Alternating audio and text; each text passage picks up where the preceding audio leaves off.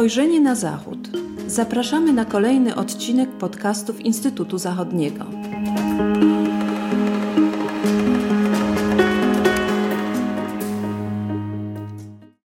Dzień dobry, witam w kolejnym podcaście Instytutu Zachodniego.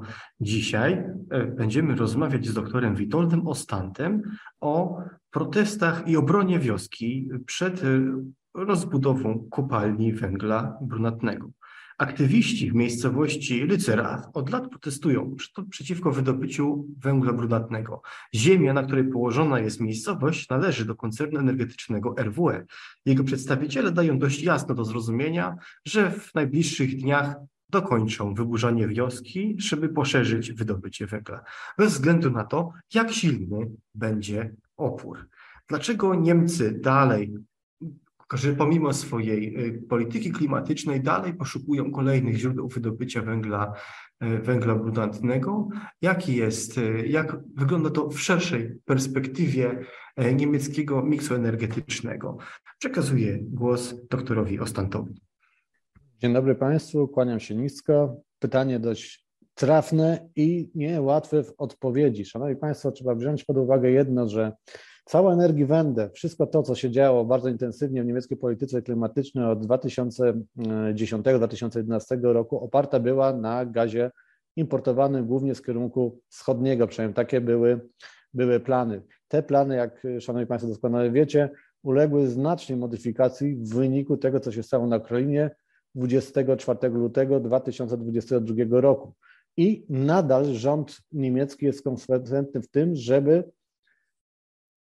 jakby powiedzieć, dalej kontynuować rezygnację z importu węglowodorów do Republiki Federalnej Niemiec. Tu trzeba podkreślić, że Republika Federalna Niemiec jako jeden z największych gospodarek w Unii Europejskiej ma ogromne zużycie węglowodorów do tej pory, pomimo wielu lat prób od nich odchodzenia.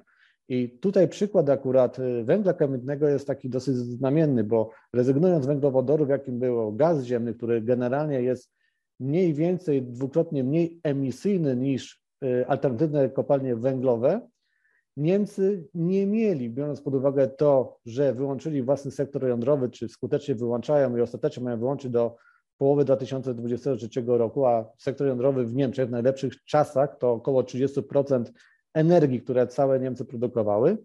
Więc taki wielki ubytek, jeżeli nie można zastąpić energią jądrową, bo nie ma na to ani woli politycznej, ani w tej chwili technicznej możliwości. Nie można tego y, ubytku energetycznego zastąpić tym nieodzownie tanim gazem i pewnym gazem, co, co podkreślali przez ostatnie lata, przynajmniej 10 lat politycy niemieckiej z Federacji Rosyjskiej. W tym momencie niestety pozostał tylko węgiel kamienny, co, przepraszam, węgiel brunatny i węgiel kamienny, ale tutaj węgiel kamienny Niemcy nadal importują z różnych kierunków, Wcześniej napytowali z, głównie z Rosji, teraz potem z różnych kierunków, a u siebie mają jedynie i tylko i wyłącznie węgiel brunatny, biorąc pod uwagę wszelkie możliwe jakby poglądy polityczne i kierunki e, polityki e, tak zwanej energii wędy, zwrotu energetycznego. I tutaj jest przykładem dosyć ciekawym właśnie to, co mam do, e, powiedzmy, z czym mam do czynienia, czyli z pewną niewielką osadą, która stała się w Niemczech, aby powiedzieć, podwaliną do większej, e, większej dyskusji na temat tego, czy słuszną drogę wybrały władze niemieckie, zastępując rosyjski gaz własnym węglem brunatnym. Co się okazuje pod względem ekologicznym i planów, które wcześniej formułowane były przez rządy e, federalne, rząd federalny, rządy federalne, e, ten, ta wydobycie węgla brunatnego w Niemczech niestety koliduje z tymi planami i wszystko wskazuje, że Niemcy w roku 2022, prawdopodobnie 2023, nie osiągną tych emisyjnych y, pułapów, które zakładano już, że miały uzyskać w roku 2020, czyli mają kilka lat opóźnienia. I ta sytuacja wyjątkowa wojny na Ukrainie powodowała to, że zdanie niemieckich, nie tylko ekologów, rok 2022 dla Niemiec był całkowicie stracony, jeśli chodzi o rok, w którym Niemcy powinni skutecznie e, zwalczać emisję.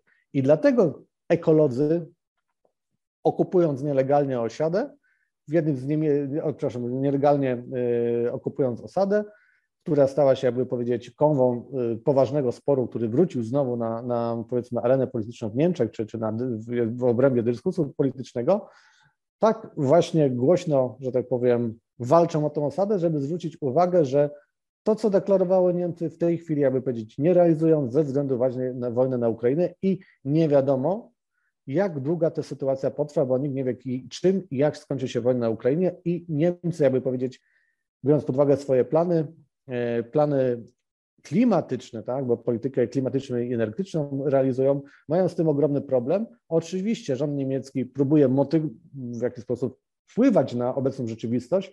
E, minister Habeck nie aż tak dawno, bo e, ostatni poniedziałek, czyli 16 stycznia na specjalnym spotkaniu w szczycie energetycznym jednej z bardzo poczytnych gazet w RFN, takiej branżowej, E, mówił właśnie o tym, że potrzeba kolejnego nowego planu i ale jak i czy ten plan będzie skuteczny pana ministra Habeka, no to jest mówię, wielkie pytanie o przyszłość, czy Niemcy będą w stanie te plany zrealizować pomimo wojny na Ukrainie, które wcześniej zakładane. A niestety według ekologów i nie tylko ekologów, wybór węgla brunatnego jako tymczasowe, kryzysowe paliwo transformacji energetycznej może być tym wyborem, który społeczeństwo niemieckie uzna za całkowicie nietrafiony, ale no niestety w takiej sytuacji znalazły się Niemcy, biorąc pod uwagę to, że przez lata władze federalne realizowały, jak się okazało, błędną politykę zbliżenia z Rosją poprzez właśnie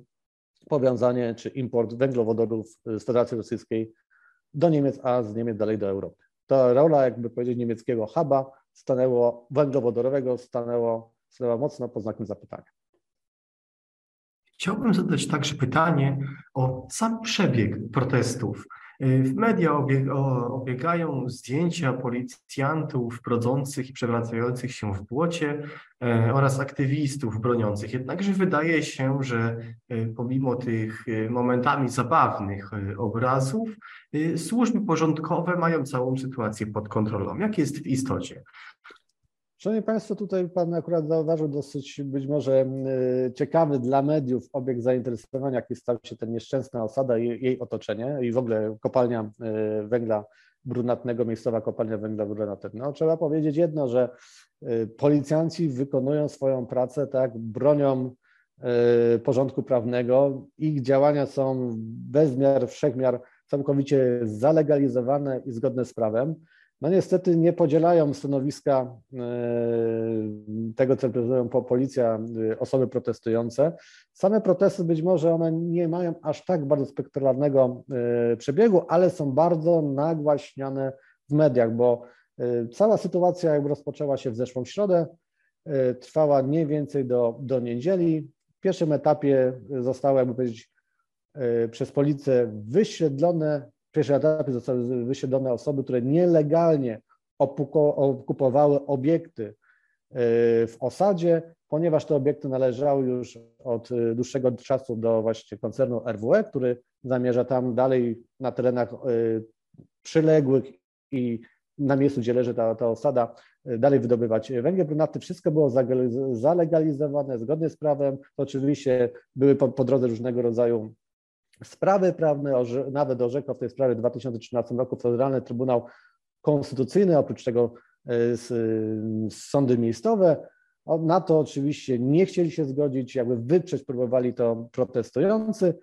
Ci, te osoby, które były zabarykodowane e, w, w, pierwszym etapie, w samej wiosce, czy, czy w samej osadzie, w pierwszym etapie zostały usunięte. Tam nie było raczej większych problemów z interwencją policji. Całe powiedzmy usuwanie tych osób nielegalnie tam przebyjących przebiegało w dość spokojnej atmosferze, pomimo to, że jakby powiedzieć, eksmitujący urzędnicy byli również obrzucani raz po raz i butelkami, i kamieniami, ale większy problem był z tymi osobami, które obok jakby tej miejscowości y, postanowiły stworzyć nielegalną demonstrację, zgromadzenie i próbowały się dostać przez kondor właśnie do, do miejscowości, w której trwała tak zwana w cudzysłowie eksmis, eksmisja nielegalnie tam się znajdujących osób. I tu nastąpiło różnego rodzaju ekscesy. Oczywiście każda strona e, tego sporu, czy każda strona tego konfliktu, czy, czy powinniśmy powiedzieć tych e, gwałtownych wydarzeń, do których doszło, ma swoje prawdy i półprawdy.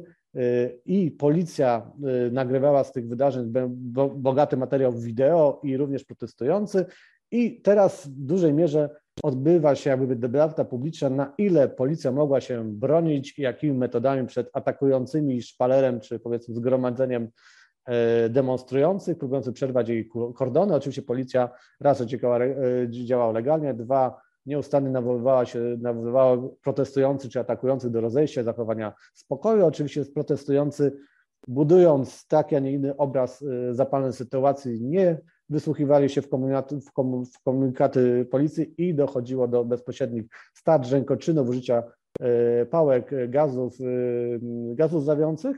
No i oczywiście na tym tle powstało no, kilkadziesiąt, co najmniej może nawet kilkaset osób zostało w jakiś sposób poszkodowanych, w tym 70 policjantów.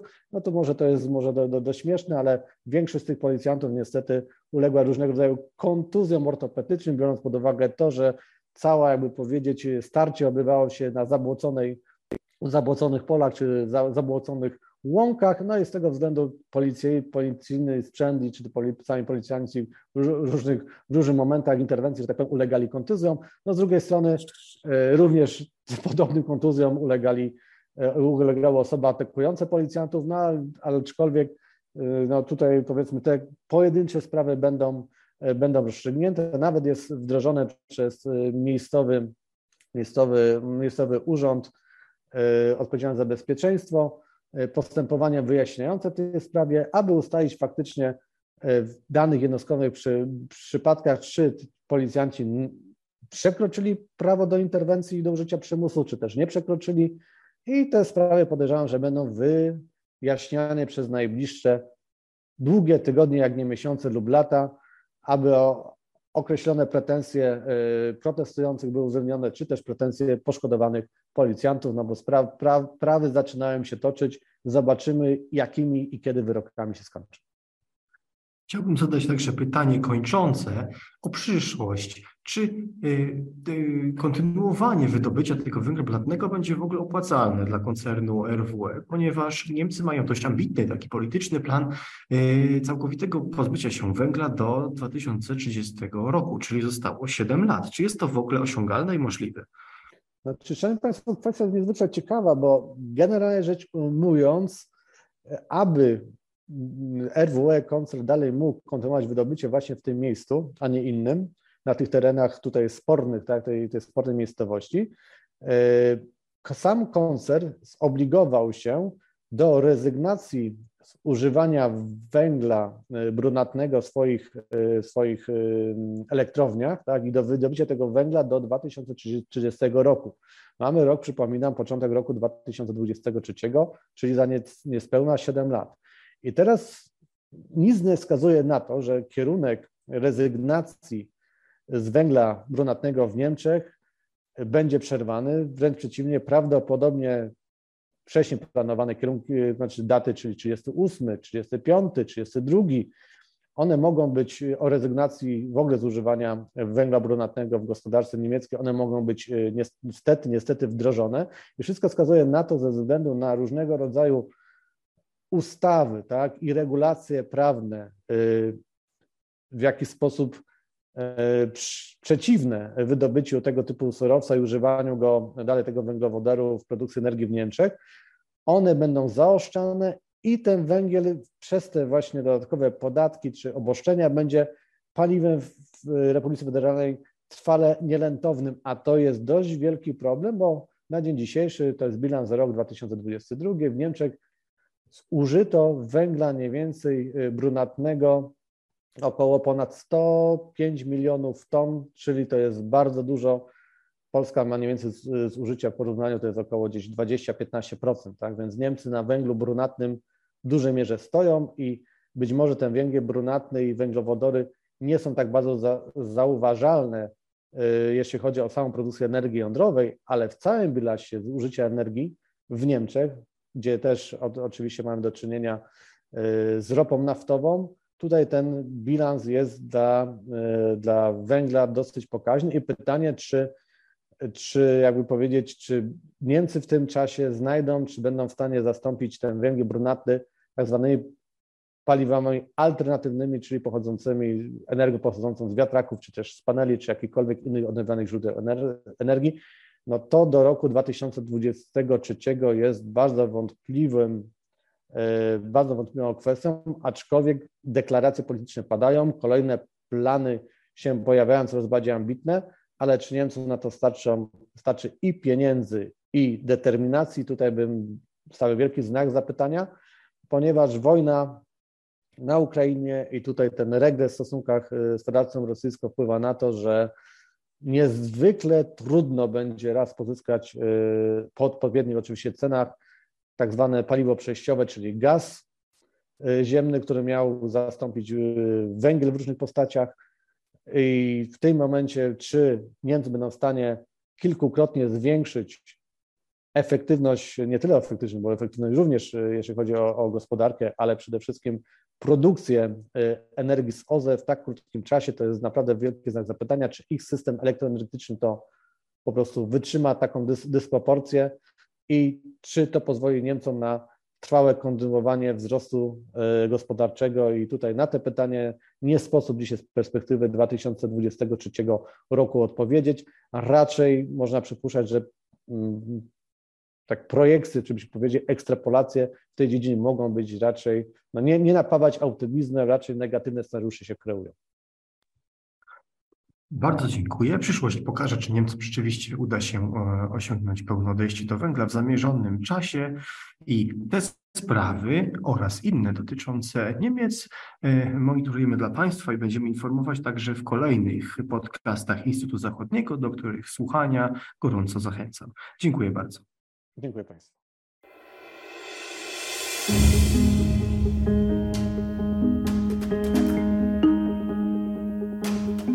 Spojrzenie na Zachód. Podcasty Instytutu Zachodniego.